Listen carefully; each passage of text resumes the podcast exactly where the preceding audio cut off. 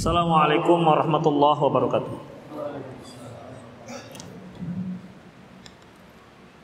Innal hamdalillah nahmaduhu wa nasta'inuhu wa nastaghfiruh. Wa na'udzu billahi min shururi anfusina wa sayyiati a'malina.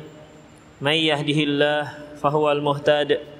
Wa may yudlil falan tajida lahu waliyyan mursyida asyhadu an la ilaha illallah wahdahu la syarika lah wa asyhadu anna muhammadan abduhu wa rasuluhu alladzi la nabiyya ba'dah wa qala Allah subhanahu wa ta'ala يا أيها الذين آمنوا اتقوا الله حق تقاته ولا تموتن إلا وأنتم مسلمون يا أيها الذين آمنوا اتقوا الله وقولوا قولا سديدا يصلح لكم أعمالكم ويغفر لكم ذنوبكم ومن يطع الله ورسوله فقد فاز فوزا عظيما.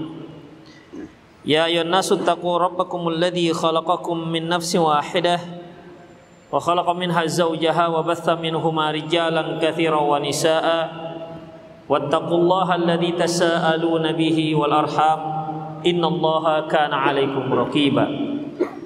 أما بعد إن أصدق الحديث كتاب الله. وخير الهدي هدي محمد صلى الله عليه وسلم وشر الأمور محدثاتها وكل محدثة بدعة وكل بدعة ضلالة وكل ضلالة في النار muslimin rahimani Allah wa iyyakum. Qala Muhammad bin Ismail Al-Imam Al-Bukhari Imam Al-Bukhari Muhammad bin Ismail berkata Babu silati al-musyrik wal hadiyah Bab menyambung tali silaturahmi terhadap kerabat yang musyrik wal hadiyah dan juga memberikan hidayah uh, hadiah kepadanya. Ani bin Umar radhiyallahu anhu dari Abdullah bin Umar radhiyallahu anhu qala dia berkata Ra'a Umar hullatan siyara bahwasanya Umar bin Khattab melihat Hullatas siyara. Hullatas siyara ini yaitu dua uh, yaitu pakaian yang disebut dengan siyara ditenun tenunannya itu bercampur dengan uh, sutra. Jadi benang biasa dicampur dengan benang sutra. Tuba'u dijual. Faqala ya Rasulullah, Rasulullah berkata, "Ibta hadhihi." Ya Rasulullah, bagaimana kalau Anda beli kain ini? Falbis falbas yaumal Jumat. Bisa Anda gunakan Anda pakai di hari Jumat. Wa idza ja'akal wufud dan juga pakaian yang Anda pakai di saat menerima utusan kenegaraan. Qal beliau mengatakan innama yalbisu hadza man la khalaqa lahu. Sesungguhnya orang yang memakai pakaian ini yaitu yang tidak akan mendapat bahagian untuknya di hari kiamat kelak. Fa'utiyan Nabi sallallahu alaihi wasallam minha bihulalin Lantas Nabi Shallallahu Alaihi Wasallam mendapat kiriman berupa kain seperti ini. Artinya kain yang distenun dicampur dengan benang-benang sutra. Fa'arsala ila Umar bihullatin. Lantas beliau pun mengirim sepotong sehelai untuk Umar. Faqala Lantas Umar berkata, "Kaifa albisuha wa qad qulta fiha ma qulta?" Ya Rasulullah, bagaimana mungkin aku memakainya? Bukankah Anda telah mengatakan begini dan begitu? Maksudnya, ya Rasulullah, gimana saya mau pakai? Dulu Anda pernah katakan ini adalah pakaian innama yalbisu hadza man la khalaqalah. Orang yang memakai ini adalah orang yang tak berhak mendapatkannya nanti di hari kiamat. Bagaimana mungkin aku memakainya? Qal beliau mengatakan inni lam u'tikaha litalbisaha Umar aku memberikan kamu kain ini bukan untuk kau pakai. Aku berikan kain ini bukan untuk engkau pakai. Walakin tabi'aha au taksuaha. Tapi yaitu untuk engkau jual kembali atau untuk engkau pakaikan ke keluargamu. Lantas fa arsala biha Umar ila akin lahu min minal Makkah qabla ayyuslima lantas fa ahdaha Umar li akhin lahu min min ummihi musyrikin. Lantas Umar menghadiahkan pakaian ini kepada saudaranya seibu. Saudaranya yang seibu yang masih musyrik. Dalam hadis yang lain fa arsala biha Umar ila akhin lahu Umar mengirimnya ke saudaranya hanya disebutkan saudaranya kalau tadi disebutkan saudara seibu di sini nggak disebutkan, di menyebutkan hanya musyrik. Tapi sebelumnya Imam Bukhari ada menyebutkan dalam bab birrul walidain al birrul walid al musyrik. Bab berbakti kepada orang tua yang masih musyrik. Di sini disebutkan fa arsala biha Umar ila akhil lahu min ahlil Makkah. Maka Umar pun mengirimnya, menghadiahkannya ke saudaranya yang tinggal di Mekah qabla ayyus lima sebelum dia masuk Islam. Dalam uh, bab ini, bab yang kita baca ini disebutkan dia musyrik. Artinya, ikhwatiddin di dalam bab ini Imam Imam Al-Bukhari menyebutkan dua kali tentang kisah ini. Tetapi antara kisah yang satu dan kisah yang lain yang sebelumnya, kisah yang sama ada beberapa tambahan-tambahan maklumat. Di antaranya ini Khafiddin ya di antaranya bahwasanya saudaranya ini akan masuk Islam tapi di saat Umar bin Khattab memberinya mengirimnya hadiah itu dia masih musyrik dari mana taunya dari riwayat sebelumnya di bab birrul walidain al musyrik disebutkan Umar mengirim untuk saudaranya di Mekah sebelum dia Islam berarti kalimat musyrik ini ya kalimat musyrik si saudara Umar ini berikutnya dia akan masuk ataupun memeluk agama Islam. Ikhwatifiddin rahimani Allah wa iyyakum. Dalam hadis ini Rasulullah sallallahu alaihi wasallam menyebutkan tentang beberapa hal.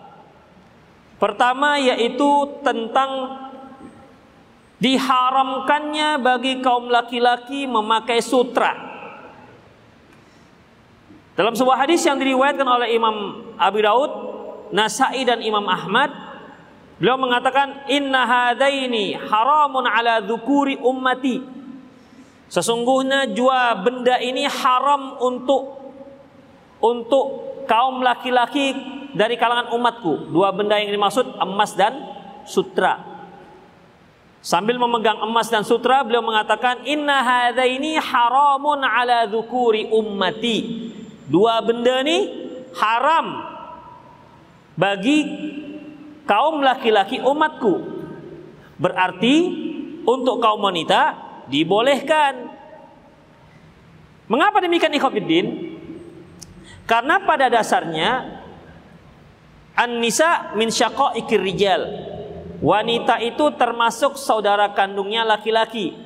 Artinya seluruh seluruh hukum yang berlaku untuk kaum laki-laki maka berlaku juga untuk kaum wanita kecuali jika ada uh, pengecualian yang disebutkan dalam hadis Rasulullah sallallahu alaihi wasallam.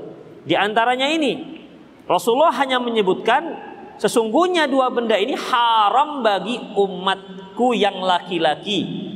Dalam hadis yang lain disebutkan dan halal untuk untuk wanita. Taib, ikhwatifiddin. Kemudian dalam hadis yang lain Rasulullah sallallahu alaihi wasallam pernah bersabda La yalbisul harir fid dunya illa lam yalbis fil akhirati min. Rawah Bukhari Muslim. Tidaklah seorang itu memakai pakaian yang terbuat dari sutra di dunia kecuali dia nanti tidak akan memakainya lagi di hari akhirat. Artinya ikhwatiddin bukan berarti nanti kalau dia di akhirat orang lain pakai pakaian sutra dia nggak pakai. Kan begitu maksudnya. Ini merupakan uh, isyarat bahwasanya orang ini telah melakukan sebuah dosa. Orang ini melakukan sebuah dosa. Jadi bukan berarti ah nggak apa-apalah nggak pakai pakaian sutra yang penting masuk surga. Ya nggak seperti itu. Seperti Rasulullah Shallallahu Alaihi Wasallam mengharamkan khamar Rasulullah katakan orang yang minum khamr tak akan minum yang di hari akhirat. Tidak bisa respon kita dengan mengatakan, tidak apa-apalah Ustadz, yang penting kita masuk surga, nggak minum khamr juga nggak apa-apa, kan banyak minuman yang lain.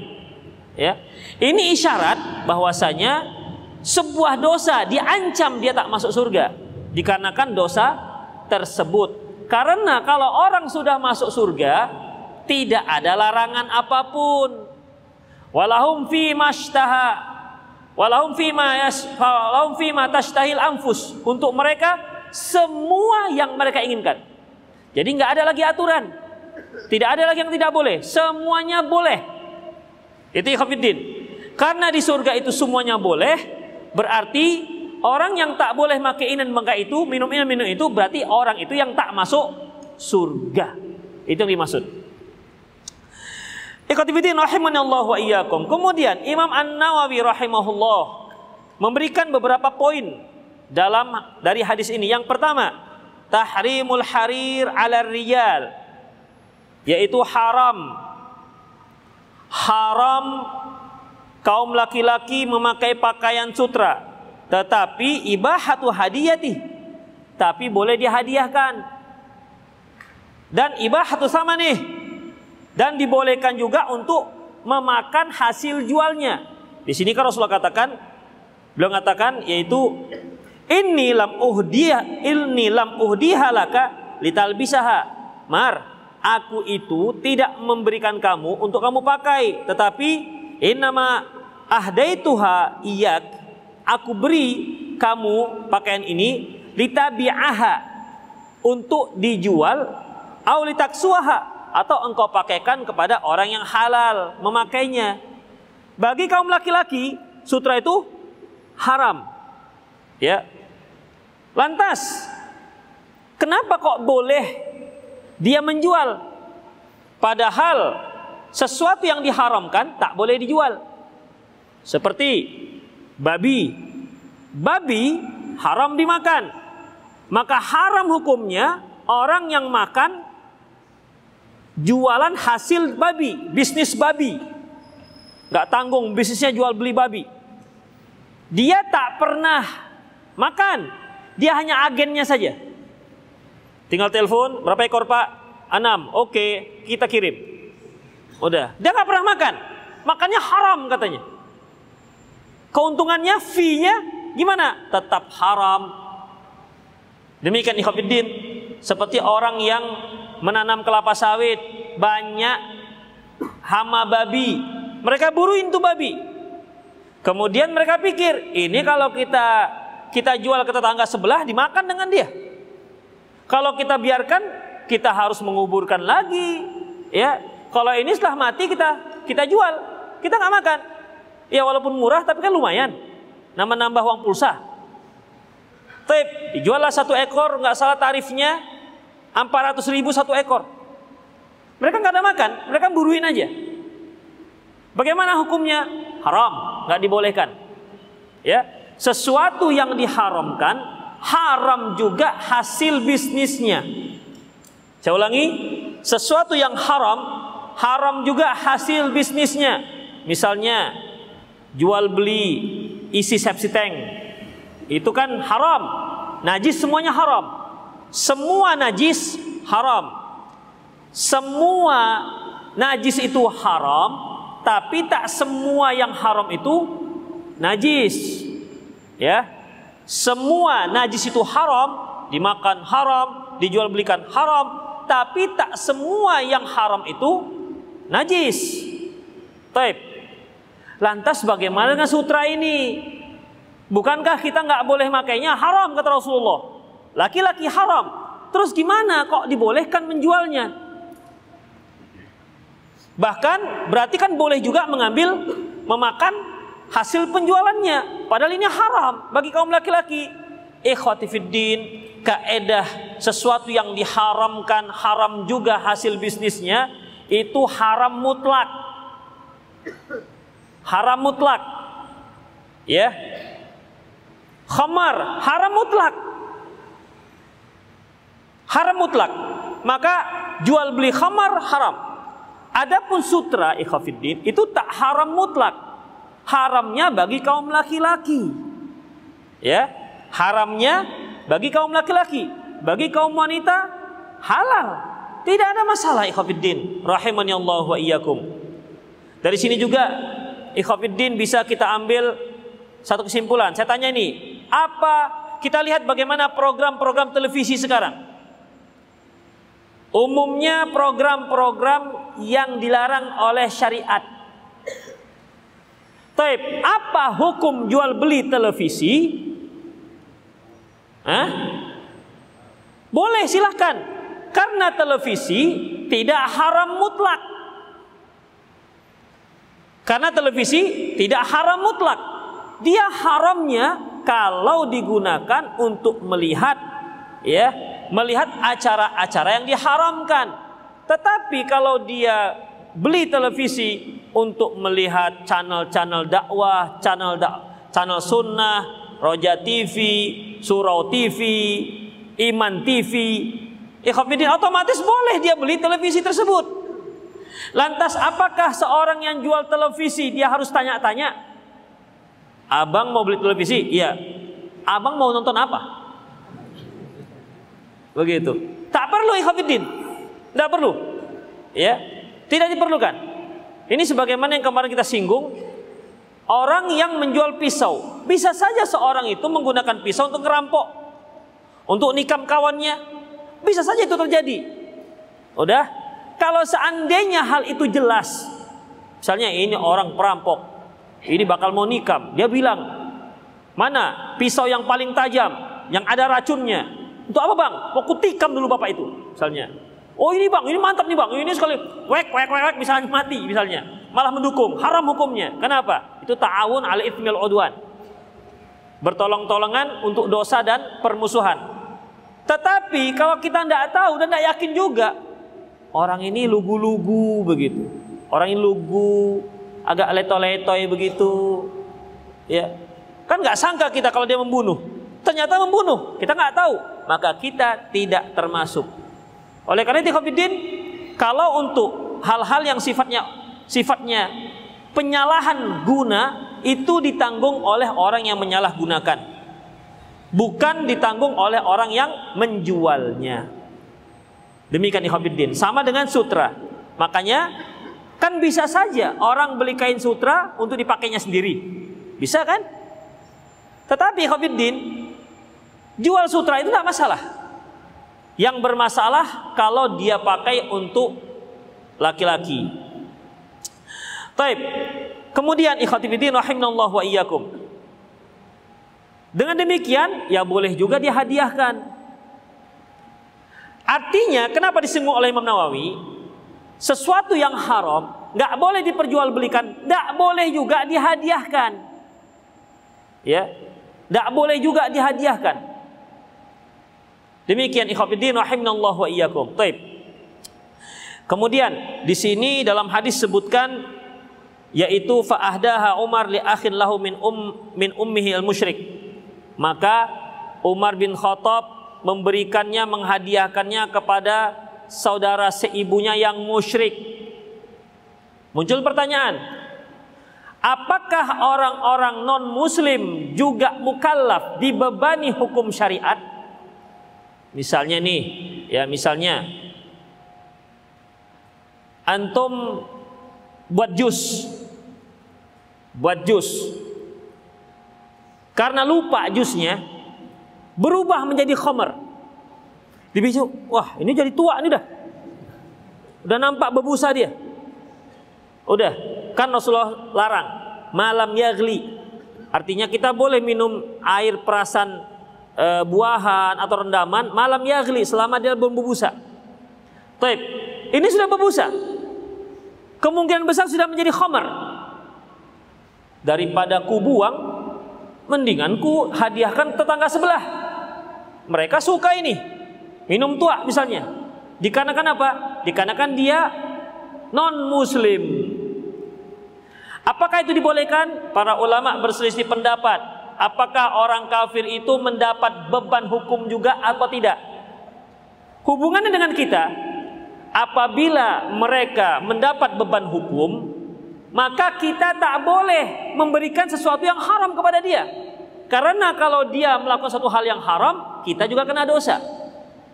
Tetapi kalau mereka tak kena beban hukum, ya tidak terkena beban hukum, boleh. Ikhwafiddin yang rojih bahwasanya orang-orang kafir juga terkena beban hukum. Artinya mereka wajib sholat, mereka wajib tutup aurat, mereka wajib zakat. Tapi kalau mereka laksanakan tidak ada nilai.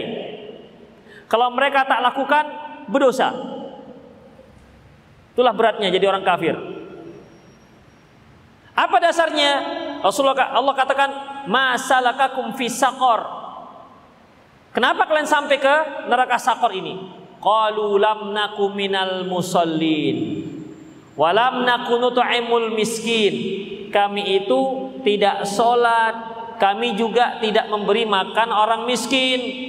Wa kunna nakhudu ma'al khaidin dan kami juga mengolok-olok bersama orang-orang yang mengolok-olok dan seterusnya.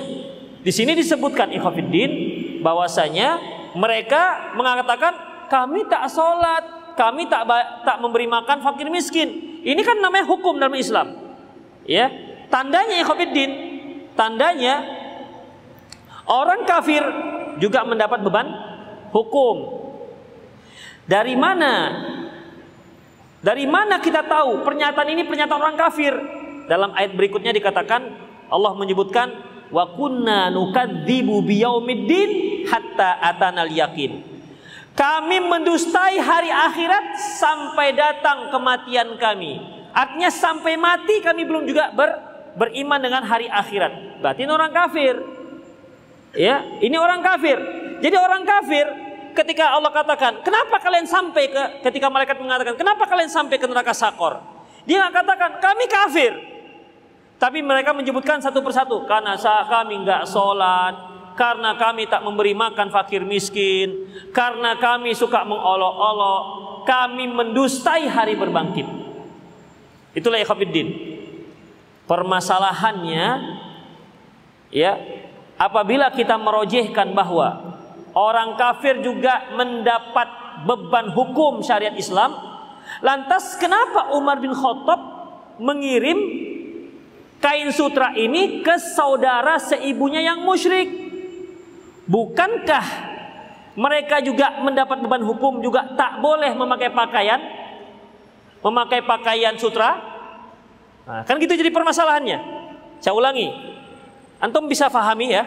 Saya ulangi Khafiddin. Tadi kita rojihkan bahwasanya bahwasanya orang kafir pun mendapat beban hukum. Apa yang diwajibkan kepada kita, begitu juga yang diwajibkan kepada mereka. Bedanya kita berpahala, mereka percuma. Itu dia. Ya. Kalau mereka tak lakukan, mereka berdosa.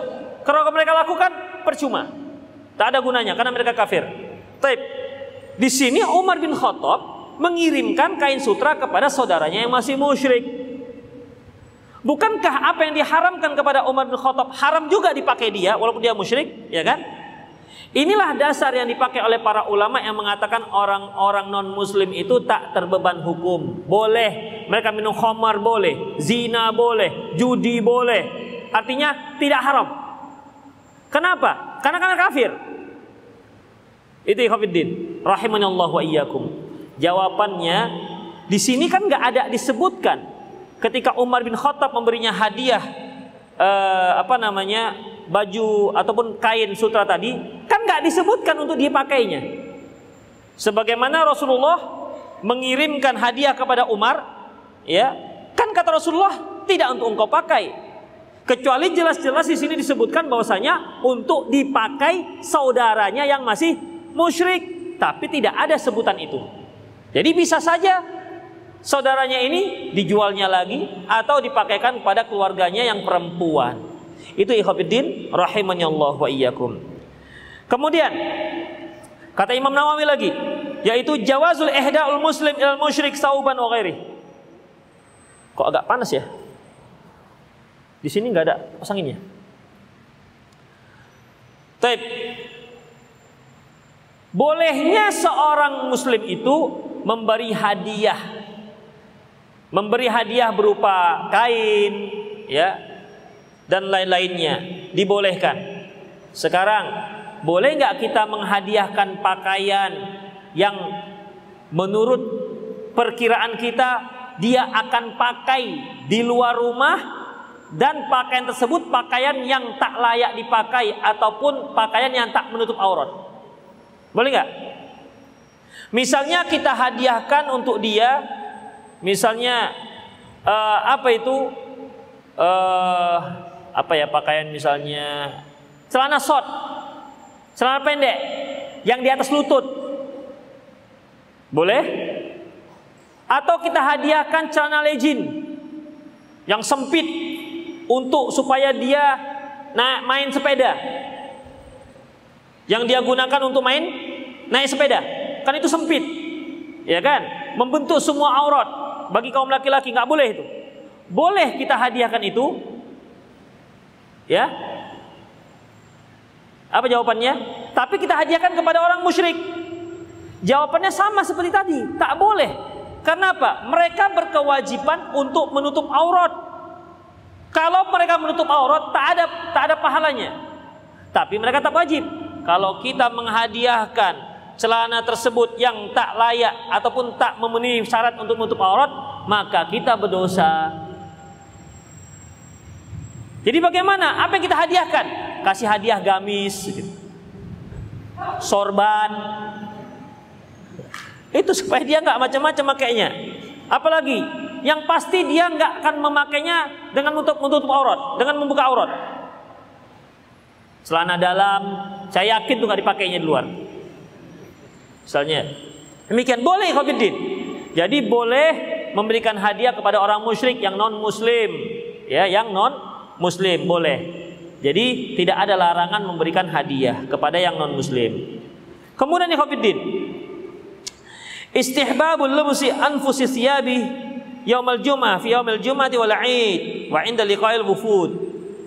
Di sini kan Umar berkata bahwasanya Lau ishtaraita hadhihi ya Rasulullah, seandainya Anda membeli ini lital bisa li lital bisa yaumal jum'ah supaya Anda pakai di hari Jumat, kemudian walil wufud dan juga untuk menerima tamu-tamu kenegaraan di sini khatibuddin rahimanallah wa iyyakum, Rasulullah tak bantah ini. Yang Rasulullah bantah buatannya.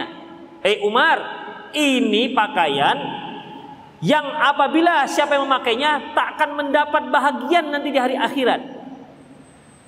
Mengenai mem, apa namanya? memakai pakaian yang terbaik ketika hari Jumat tidak ada dibantah oleh Rasulullah. Nggak ada dikatakan Amar, nggak perlu lah Umar. Ngapain kita pakai baju bagus-bagus? Nggak ada. Itu diikrar oleh Rasulullah. Ikrar itu artinya didiamkan Rasulullah yang menandakan setuju akan ide Umar bin Khattab tersebut. Yang tidak disetujui Rasulullah apanya? Buatan pakaiannya. Tapi pakaian bagusnya disetujui Rasulullah. Oleh karena itu Khafidin disunnahkan bagi kita ketika hari Jumat ketika sholat id untuk memakai pakaian yang terbaik. Ya memakai pakaian terbaik. Bagaimana dengan baru? Boleh yang baru. Walaupun tidak semua yang baru itu yang terbaik. Itu Khafidin. Jadi biasanya biasanya yang terbaru itu yang terbaik biasanya. Ya oleh karena itu Khafidin Memakai pakaian yang terbaik ketika Jumat dan ketika sholat id itu disunahkan dan dianjurkan. Demikian juga ikhafiddin sedikit saya singgung masalah yaitu baju baru yang kita pakai, yang kita beli untuk persiapan id, apalagi misalnya celana, kaos kaki, sendal itu semua disunahkan dipakai untuk sholat id. Jangan sampai ketika sholat id dia memakai pakaian yang lama. Pakaian barunya ke mana perginya dipakainya? Kebun binatang. Untuk silaturahmi. Pakaian itu yang dipakainya. Padahal sunnah pakaian baru itu untuk sholat idnya. Itu ikhafidin. Karena inti hari raya dalam pada kaum muslimin yaitu sholatnya. Bukan silaturahminya bukan makan-makannya dan bukan ke kebun binatangnya. Itu yang harus kita pahami. Ya, jadi jangan salah. Kalau sholat id pakai sendal yang mau putus itu dia. Tapi kalau mau pergi yang lain mas disemir lagi, dikilat-kilat, kurang kilat, kilat, kurang kilat sampai terlupa itu kulitnya. Itu din. Jadi itu dia. Baik, selanjutnya. Silatul aqarib wal ma'arif engkanu kufar. Di sini juga merupakan anjuran untuk tetap menyambung silaturahmi, menyambung silaturahmi terhadap kerabat-kerabat kita yang ada hubungan darah walaupun dia kafir. Misalnya ada adik paman kita yang kafir, silakan datang, gak masalah. Tapi tentunya syarat dan ketentuan berlaku. Misalnya janganlah dia ketika dia suguhkan kita BPK kita sikat, janganlah. Ya. Demikian ikhwafid. Tapi kalau jeruk masih bisa lah. Demikian. Atau dengan cara bagaimana? Dengan cara telepon atau kita kirim apalah begitu ikhwafiddin. Itu menyambung silaturahmi. Berarti menyambung silaturahmi itu tidak hanya untuk yang muslim-muslim saja. Silaturahmi itu untuk seluruh kerabat yang muslim dan yang non muslim. Dan hukumnya wajib. Itu hafidin rahimanallah wa iyyakum. Tapi biasanya kalau kita akrab dengan mereka, kita semakin kerepotan untuk menolak acara-acara. Itu dia. Seperti dia nanti diundangnya kita untuk acara apa? Syukuran. Ngapain? Karena besok Natal. Itu dia. Syukuran Natalan. Kita kan nggak bisa, ya. Kita akrab, kita nggak bisa menghadiri. Demikian ikhwatiddin. Atau dia mengundang kita, kita makan-makanlah. Ke mana? Uh, nggak di rumahnya misalnya. Mungkin dia booking satu restoran, kita makan-makan. Dalam rangka apa ini bang? Dalam rangka kenaikan Isa Al-Masih misalnya. Ya kan? Memang apa? Makan-makan aja kita. Makan-makan. Ya nanti adalah nyanyi sedikit dengan seluruh itu dia. Jadi ikhwatiddin rahimani Allah wa iyyakum. Berarti kita pandai-pandailah dalam menolaknya. Kemudian ikhwatiddin jawazul bais wasyira inda babil masjid. Boleh jual beli di dekat pintu masjid. Mana di sini pintu masjidnya? Tidak ada pintu masjid di sini. Dalam riwayat yang lain ikhwatiddin yang diriwayatkan oleh Imam Bukhari dan Muslim ada tambahan ada tambahan lafaz anna Umar ra'a hullatan sayra inda babil masjid. Umar melihat ada pakaian ataupun kain sutra yang dijual di pintu masjid. Kalau di sini nggak disebutkan pintunya, di pintu masjid. Artinya ikhwatiddin boleh jualan di pintu masjid selama di luar pintu masjid itu tidak termasuk masjid. Ini menandakan apa Khafidin? Di luar pintu masjid itu bukan masjid. Ya, saya ulangi. Di luar pintu masjid berarti kalau ada bangunan dan dia ada pintunya, di luar pintunya itu itu tidak lagi dikatakan masjid. Kalau di masjid haram jual beli. Bahkan disunahkan bagi kita ketika melihat ada orang jual beli di dalam masjid, apa kita kita katakan kepada dia? La robahakallah, semoga Allah nggak akan memberi untung. Jadi bukan hanya dilarang, didoakan sekalian. Semoga Allah tak memberi untung. Kalau ada orang cari-cari barang hilangnya di masjid, cari-cari, bang, ada barang hilang bang di sini, ada bang, ada bang. Coba diumumkan, barang siapa yang mengambil ataupun menemukan, maka kita katakan padanya semoga tak akan jumpa, gitu. Itu sunnahnya. Beda halnya kalau mengumumkan barang dapat.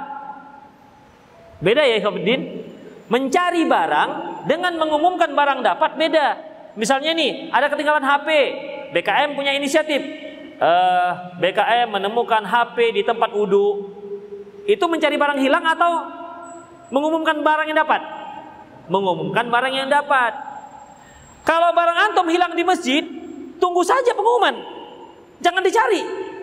Kalau dicari-cari, pergi ke ke mimbar, ambil mikrofon, bapak, bapak, saya kehilangan dompet. Maka kita katakan, lah, semoga Allah tidak akan mendapatkan barang yang hilang. Itu ikhwafiddin. Toib. Jadi di sini ikhwafiddin ya ada tambahan lafaz. Kemudian terakhir, apakah semua kain yang bersutra itu mutlak haram bagi kaum laki-laki? Baik dia setengah, sepertiga atau bagaimana? Ataukah harus seluruhnya? Ataukah harus seluruhnya baru haram? Ikhwafiddin, kain siarok tadi yaitu kain benangnya dicampur dengan benang benang sutra. Berarti kan tidak mutlak sutra. Itu sudah tidak dibolehkan. Tapi ada beberapa pengecualian ikhwatiddin.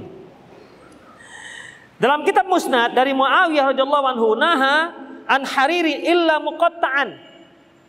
Nabi sallallahu alaihi wasallam melarang seorang laki-laki memakai pakaian sutra kecuali kainnya itu terpotong-potong. Misalnya apa ikhafidin untuk ujung tangan. Misalnya ini nih, ujung tangan pakaian saya ini.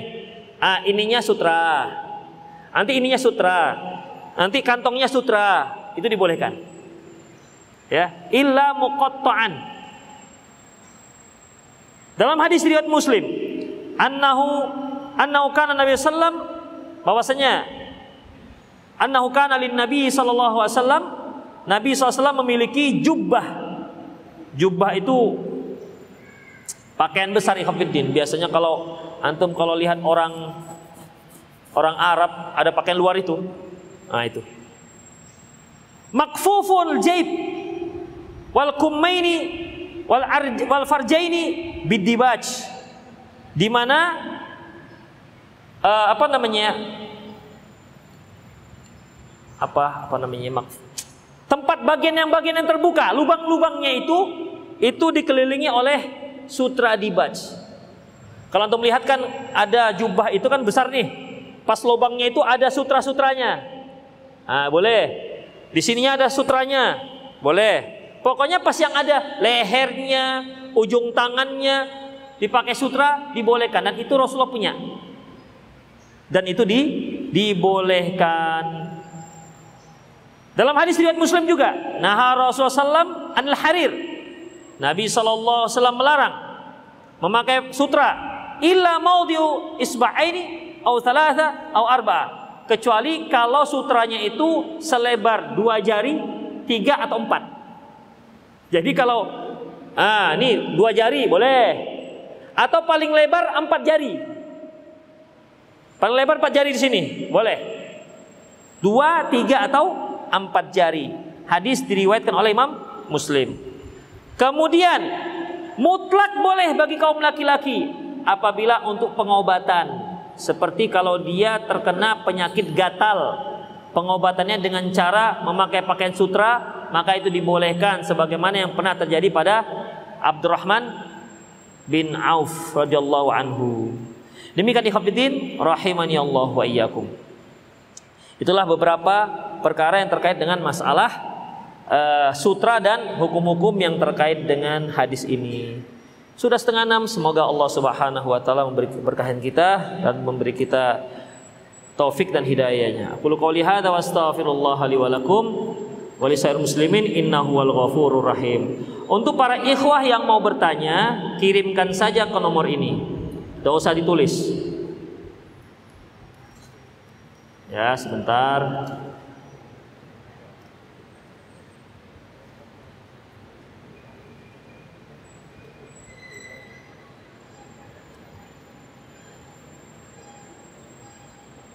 Uh, mau pula dia. Yang tulis juga boleh, silahkan.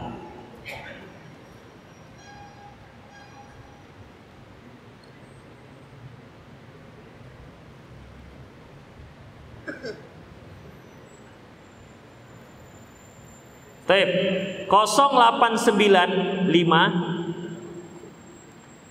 0895 6113 6113 27778 tujuhnya tiga kali. 27778 0895 saya ulangi 0895 6113 27778 Dah? Iya, silakan tulis, kirim kemari. Yang mau pakai kertas juga silakan. Ya, sudah ada yang masuk ke meja redaksi? Supaya akhwat gak capek ngirim-kirim juga kan?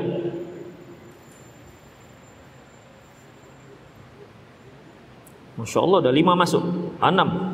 Cepat kali masuknya. Yuk loh. Yuk, yuk, yuk. Cepat juga untuk nulis ya. Ini bisa hang nggak ini?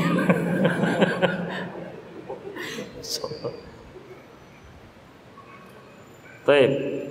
Bagaimana sikap kita sebaiknya kalau di dalam keluarga banyak perbedaan mengenai akidah Ustadz? Contohnya soal musik. Sudah saya beritahu adalah haram musik, tapi orang tua kita bilang itu Ustadz ini mengatakan tidak apa-apa sehingga akhirnya pendapat saya yang menjadi minor tas dari dalam keluarga. Sedangkan kita se ikhwatiddin rahimanallahu wa iyyakum.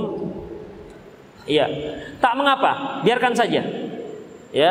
Kalau mereka meyakini itu, antum meyakini lain, antum meyakini saja laksanakan apa yang antum yakini.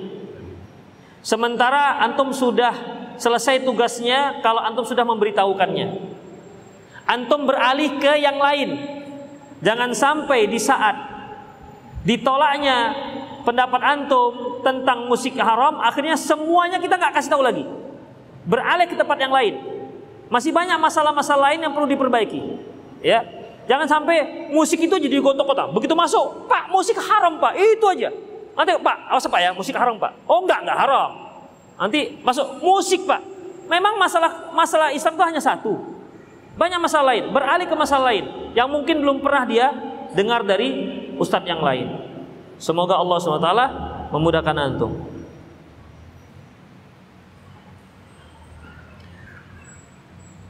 Assalamualaikum bagaimana tanggapan Ustadz tentang menjamak sholat di kota lain Apakah itu bisa dilakukan sampai tiga bulan Ikhafiddin Rahimani Allah wa iyyakum Menjamak ya, Menjamak sholat Itu dikarenakan masyakoh Kesulitan Adapun mengkosor sebabnya dikarenakan safar.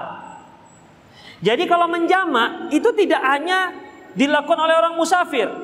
Yang tidak musafir juga boleh. Misalnya kita yang sedang mukim. Sebagaimana hadis dari Abu Rakana Rasulullah sallallahu alaihi wasallam ya jama'u ya jama'u bainal as bainal zuhri wal asr maghrib wal isya bil Madinah min ghairi khauf min ghairi khaufin wala matarin Nabi Shallallahu Alaihi Wasallam menjamak sholat zuhur ke asar, maghrib dan isya di kota Madinah dengan tanpa ada rasa takut, padahal tidak ada takut dan tidak ada hujan. Artinya berarti biasanya kalau ada hujan juga dijamak. Kalau dalam keadaan takut juga dijamak. Demikian ikhwatiddin. Jadi kalau dia tiga bulan di sana, dia tiga bulan di sana, kalau memang diperlukannya silakan menjamak. Tapi kalau tidak, tidak ada kegiatan, di tempat saja dia, maka tidak boleh dia jamak. Itu ikhwatiddin. Jadi terkait dengan masalah terkait dengan masalah sulit dan tidak sulitnya. Assalamualaikum Ustaz. Bagaimana tanggapan Ustaz tentang oh, udah tadi. Kok jadi hang Allah. Cemana nih? Baik.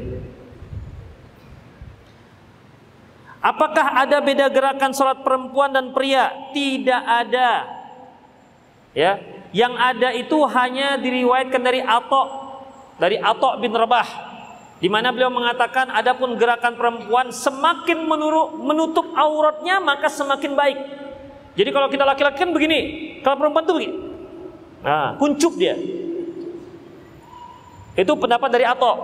Kalau kita laki-laki sujudnya kan kembang tangannya, ya kan? Kalau menurut Atok bin Abi Robah, seorang tabiin, maka sujudnya begini, kuncup. Itu ikhwanuddin. Tapi dari sunnah tidak ada. Rasulullah Sallallahu Alaihi Wasallam tidak apa namanya tidak membedakan, tidak menyebutkan adanya perbedaan. Kalau beliau tidak menyebutkan perbedaan, maka innaman nisa min syaqaiqur rijal sesungguhnya wanita itu termasuk saudara kandungnya laki-laki artinya sama hukumnya dengan laki-laki. Kemarin saya mencuci dengan mesin cuci dengan cara kerja mengganti air tiga kali otomatis dan saya tidak sengaja memasukkan maaf pakaian dalam bernajis. Sementara pakaian itu telah disetrika dan disusun dalam lemari sehingga tidak tahu pakaian yang mana saja. Bagaimana hukumnya? Ikhafiddin mengenai hukum pakaian bernajis tinggal kita lihat ada nggak bentuknya. Kalau antum sudah lipat, buka kembali lipatannya. Masih ada nggak kuning-kuningnya di situ? Kalau masih ada kuning-kuningnya tengok dulu, jangan-jangan sate sate padang. Ah, bau. Berarti yang kemarin belum bersih. Begitu Khafidin. Jadi tinggal lihat zatnya ada enggak. Kalau walaupun antum campur, antum adu segala macam udah bersih sudah. Itu dia hukum dalam izalatun najasah. Kalau sudah hilang zatnya, hilang baunya sudah ya. Ya, jangan di di apa namanya? Jangan lagi di apa namanya? Jangan lagi dipusingkan dengan dengan hal-hal yang masih samar-samar. Ini jangan-jangan nggak ada lagi jangan-jangan.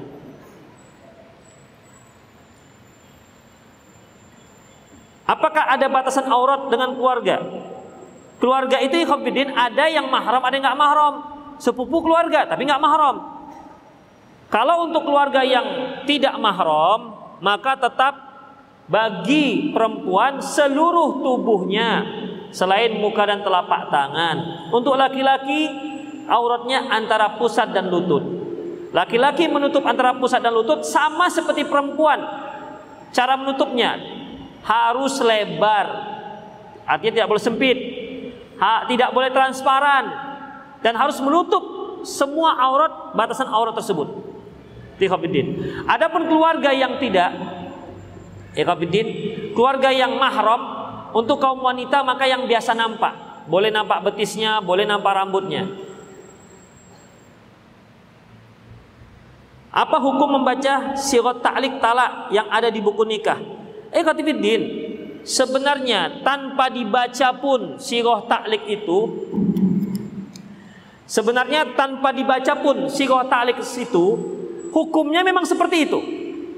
Apabila sang suami. Itu kan suami yang apa namanya baca. Apabila saya tidak memberi nafkah kepada istri saya selama tiga bulan berturut-turut lantas dia menggugat cerai ke ke mana ke kuah kuah kantor urusan agama dengan memberi uang sebanyak sepuluh ribu rupiah.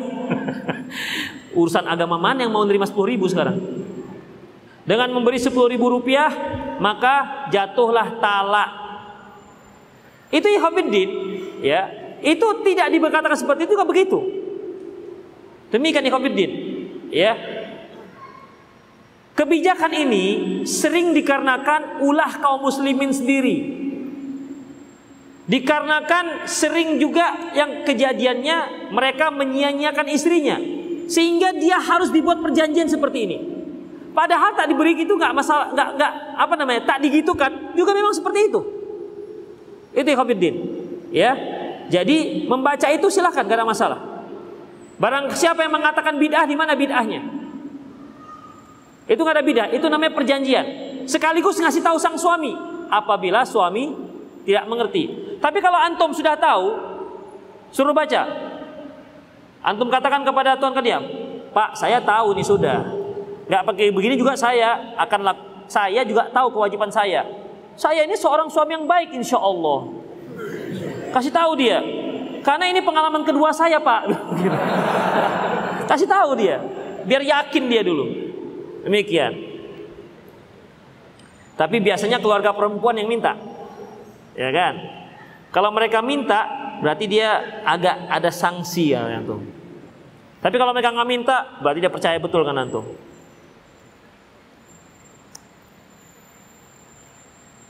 Apa hukumnya menghidupkan murotal pakai pakai sebelum adzan. Sementara hal itu membantu kita mengingatkan dah mau sholat. Ekhofiddin, kita menghidupkan murotal intinya tak ada masalah. Ya, tidak ada masalah. Tetapi kalau kita niatkan untuk mengingatkan kaum muslimin sebentar lagi adzan itu salah. Cukup adzan itu yang sebagai memanggil.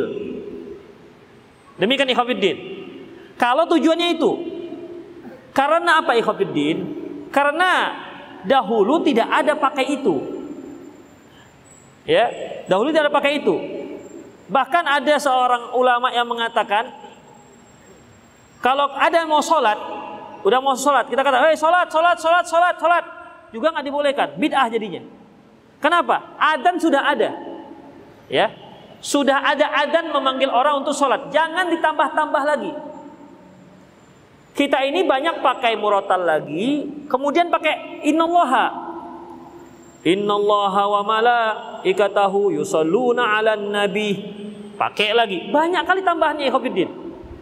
Belum lagi ada kalau di Jawa banyak lagi panjang-panjang kali selawatnya. Lima menit dia selawat baru adan. Itu Ikhwanuddin. Jadi ini tidak dibenarkan, ini termasuk bid'ah. Ya, bid'ah. Jadi kalau tujuannya untuk mengingatkan orang sholat, tidak dibenarkan. Yang kedua, ikhwafiddin, tak semua kaum muslimin di situ niatnya untuk mendengar. Tak semua kaum muslimin niatnya untuk mendengar itu tilawah. Itu dia. Jadi Allah alam bisawab itu hanya muncul belakangan.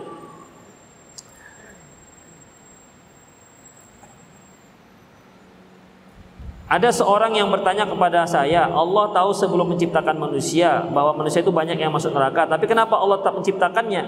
Ikhafiddin rahimani Allah wa iyyakum. Allah Subhanahu wa taala menciptakan alam ini untuk satu hikmah. Kalau antum tanya seperti ini, lebih baik lagi antum bertanya, kenapa Allah menciptakan setan? Iblis. Buat rusak dunia aja ya kan? Tujuan iblis itu kan tidak ada tidak ada lain selain merusak manusia. Kalau kita masih mendingan lah, ada juga bagus-bagusnya. Tapi kalau sudah iblis, itu jelas merusak. Lantas untuk apa Allah ciptakan? Ikhatifiddin rahimanallah wa iyyakum.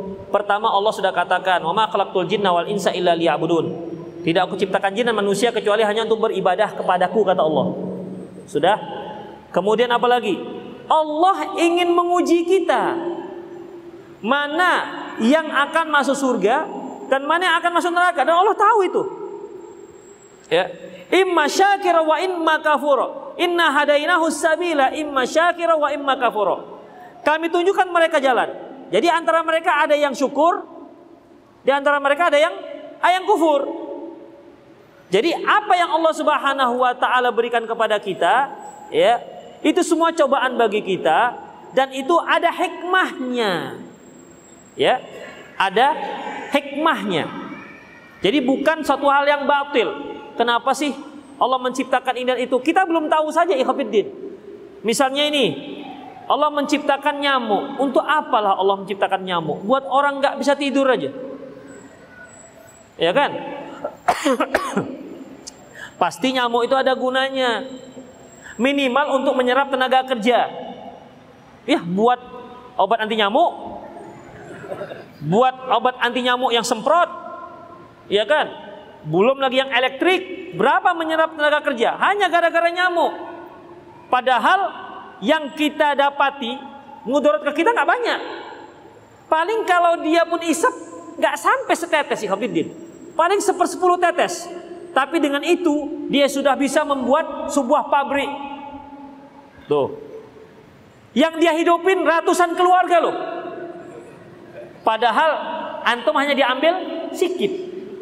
Kemudian dia berjuang untuk mengambil darah kita itu yang sepersepuluh itu berjuang menyabung nyawanya. itu dibilang batil. Ngapainlah Allah cipta-cipta nyamuk ini? Dicampungnya nyawanya demi demi untuk buat pabrik itu kira-kira.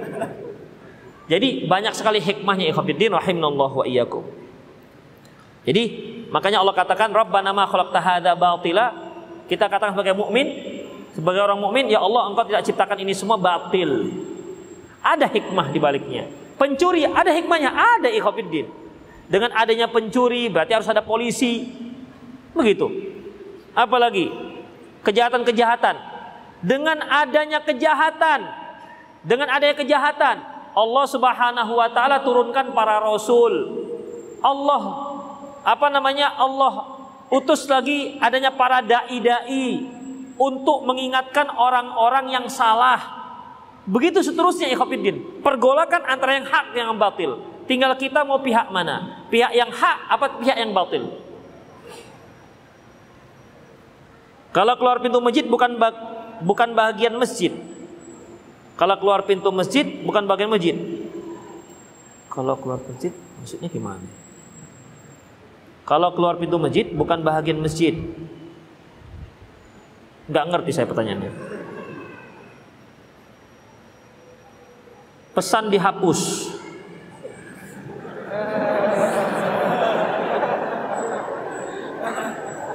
Apa hukumnya memasang gambar wajah sebagai profil foto di WhatsApp? Ekhofiddin, kalau untuk laki-laki itu lebih ringan ketimbang perempuan, tapi sebaiknya tidak usah. Karena bagaimanapun tidak ada orang yang menampilkan foto profil di WhatsApp ataupun media-media sosial kecuali yang bagus-bagus saja difoto, diedit, diblur sehingga bopeng-bopengnya nggak kelihatan, kemudian dikontraskan lagi supaya lebih putih. Jerawat-jerawat yang ngeri-ngeri itu dihilangkan. Udah. Belum lagi engkelnya mengambil apa namanya? Mengambil fotonya. Jadi intinya untuk apa? Untuk supaya orang tertarik kan begitu. Coba kalau mau antum jujur, sekedar mau foto, lagi oh oh foto. Lagi menahan he, foto Masukkan ke profil kalau mau. Kan tidak ada ikhwafiddin. Jadi tujuannya apa? Itu dia. Oh supaya orang tahu Ustadz. Ya sudahlah supaya orang tahu. Makanya saya katakan tadi. Kalau untuk laki-laki lebih ringan. Tapi untuk perempuan tak boleh. Ya. Tidak boleh ikhwafiddin untuk perempuan. Itu dia. Sebagaimana saya katakan tadi itu. Pastilah digunakan untuk hal-hal yang tidak baik. Ya minimal untuk pamer lah. Untuk pamer. Nah, sekarang ini yang bercadar, saking kepinginnya dia foto. Kakinya dia foto kakinya. Itu dia. Saya tengok di Facebook, kakinya rame-rame tiga orang yang pakai kos kaki di foto. Apa fungsinya nggak? Apa namanya? Uh, memfoto kos kaki. Dia jualan kos kaki juga enggak. Itu Khafidin. Kemudian yang bercadar-cadar lima orang, difoto dari belakang sambil nengoknya begini.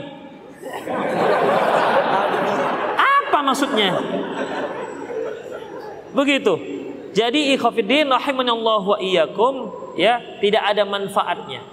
Bagi akhwat ittaqillah, jangan cantumkan foto Anda walaupun Anda bersama suami Anda. Ya. Walaupun Anda bersama suami Anda, karena yang ditengok laki-laki bukan suami Anda.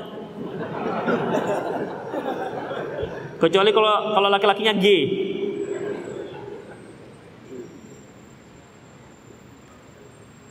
Ustadz, benang sutra seperti apa Ustadz?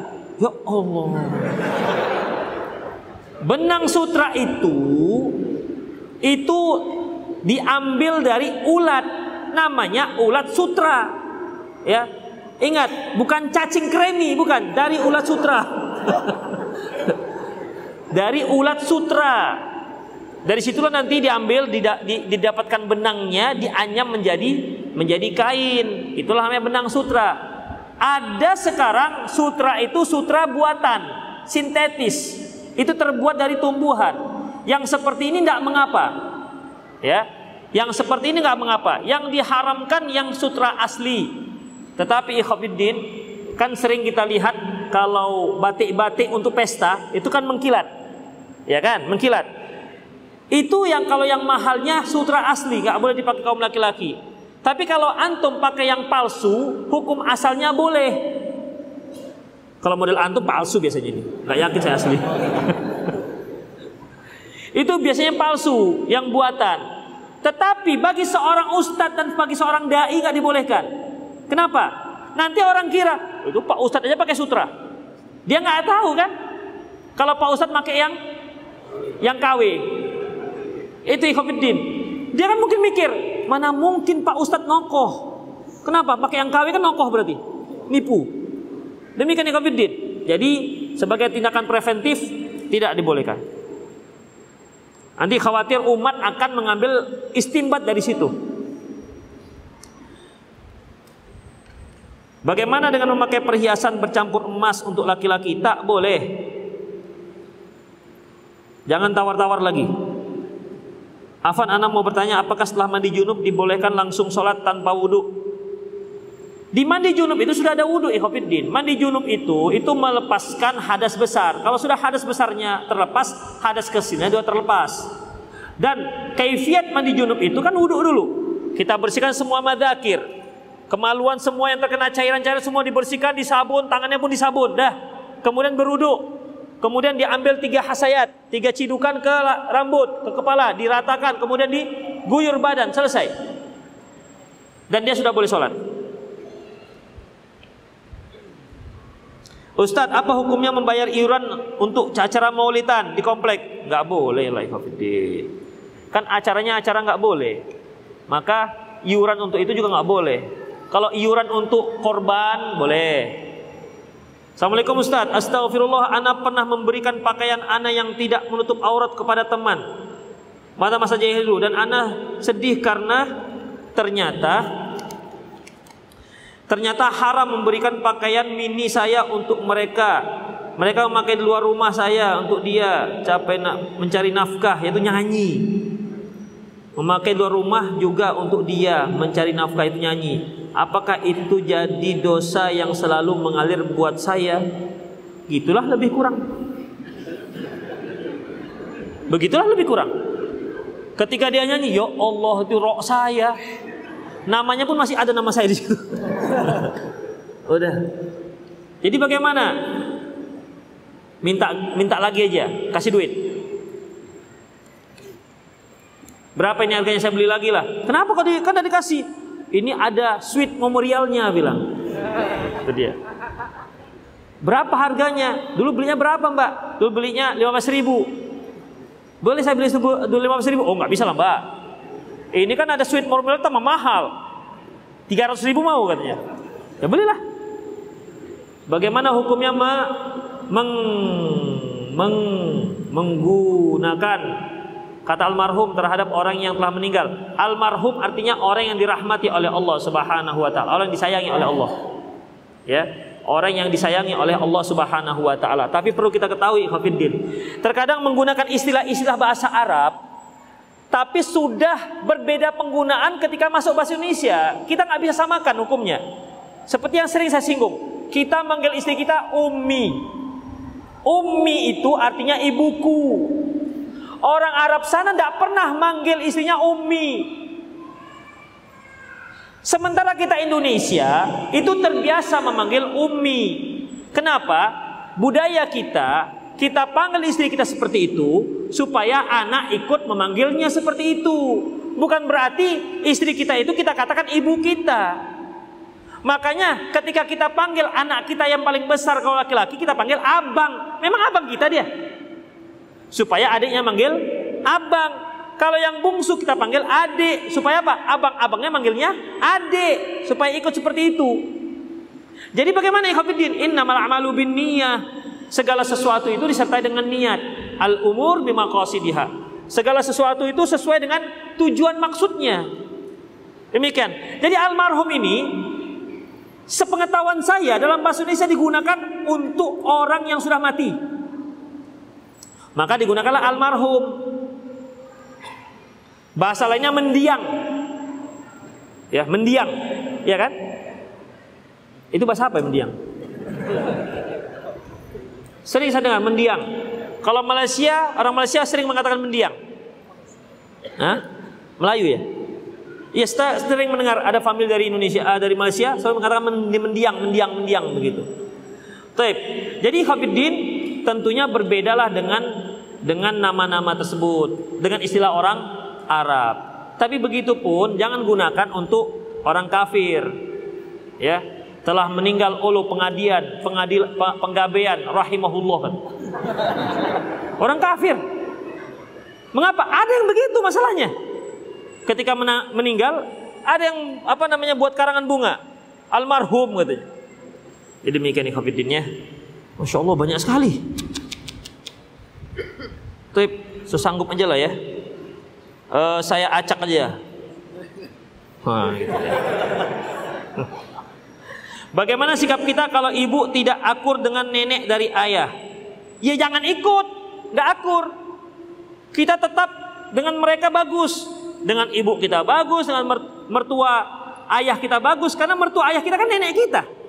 Nenek kita kan dua, dari pihak ayah pihak ibu. Kakek kita juga dua, pihak ayah pihak ibu. Begitu. Jadi kalau ibu kita nggak akur dengan mertuanya, ya nggak akur dengan mertuanya, itu urusan dia. Kita jangan ikut-ikut. Kalaupun kita diprovokasi oleh ibu kita, nah nenekmu itu, masya Allah itu memang nenek itu luar biasa, matriknya luar biasa. Begitu, nggak usah, nggak usah didengar. Ya, iya mah, udah gitu aja. Ya jangan ikut-ikut.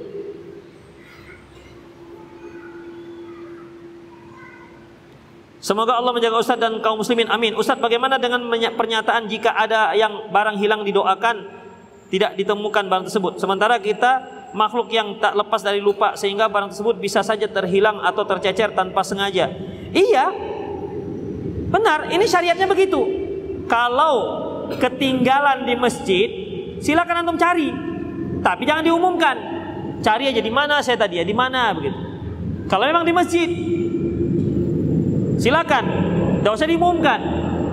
Dan kalau seandainya apa namanya hilangnya di luar, ini lebih parah lagi. Pas hari Jumat, ada nggak yang melihat anak saya hilang? Itu dia. Bapak-bapak, ada nggak melihat anak saya hilang? Ciri-cirinya begini-gini, nggak dibolehkan juga ya walaupun anaknya hilang. Kan hilangnya di luar. Jadi demikian, karena itu syariatnya.